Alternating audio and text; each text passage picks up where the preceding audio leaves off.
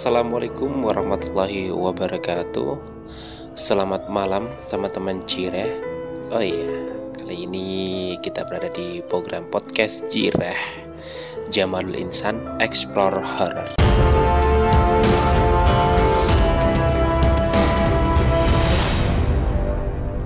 Apa kabar semuanya? Semoga sehat selalu ya. Oke, di sini bersama dengan saya Jamalul Insan yang akan berbagi cerita horor berdasarkan pengalaman dan penelusuran secara langsung. Untuk versi podcast cerita ada di sini yaitu di Ancor FM dan versi video jelajah explore horror bisa langsung dilihat di channel YouTube Jamalul Insan. Sebelum kita masuk ke cerita, mungkin buat para pendengar punya rekomendasi tempat horor yang bisa ditelusuri langsung saja silahkan kirim rekomendasi kalian melalui email jamalulinsan 1997 at gmail.com dan tentunya akan kami buat cerita explore horror episode selanjutnya yang akan tayang di Anchor FM dan YouTube channel Jamalul Insan setiap malam Jumat. Baiklah, awal penjelajahan kita dimulai dari Alas Ketonggo atau Serigati. Dalam dunia spiritual, sejatinya Alas Ketonggo dan Alas Purwo ini berpasangan. Alas Ketonggo dikenal sebagai ibunya Tanya Jawa, satu rangkaian dengan Alas Purwo yang ada di Banyuwangi atau paling ujung timur Pulau Jawa. Sedangkan Alas Ketonggo di ujung barat Provinsi Jawa Timur, tepatnya di Desa Babatan, Kecamatan Paron, Kabupaten Ngawi.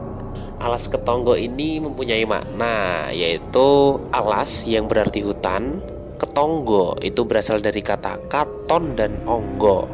Katon yang berarti kelihatan, onggo yang berarti makhluk astral. Jadi, alas ketonggo adalah hutan yang memperlihatkan kehidupan dari makhluk astral yang benar-benar terlihat atau nyata. Di Alas Ketonggo ini menyimpan banyak hal selain tempat bersejarah.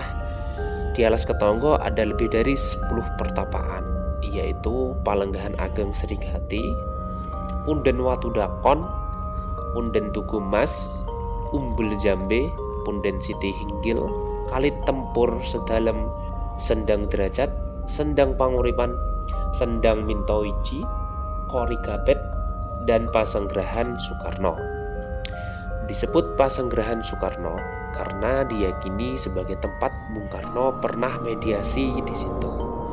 Menurut Mbah Marji, selaku juru kunci, ada 22 situs di Ketonggo.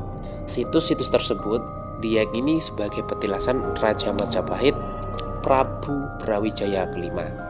Setelah kalah perang melawan pasukannya Raden Patah dari Demak sekitar tahun 1293 Masehi dalam perjalanan mengasingkan diri ke puncak alam. Bagaimana? Serem kan? Selain kisah mistisnya, kita juga belajar tentang sejarah yang ada di Alas Serigati. Baiklah pendengar jajah Explore Horror, nantikan cerita horor di episode selanjutnya setiap malam Jumat pukul 8 malam yang tentunya akan membuat Anda merinding. Terima kasih, saya Jamalul Insan undur diri. Sampai ketemu kembali dan selamat malam.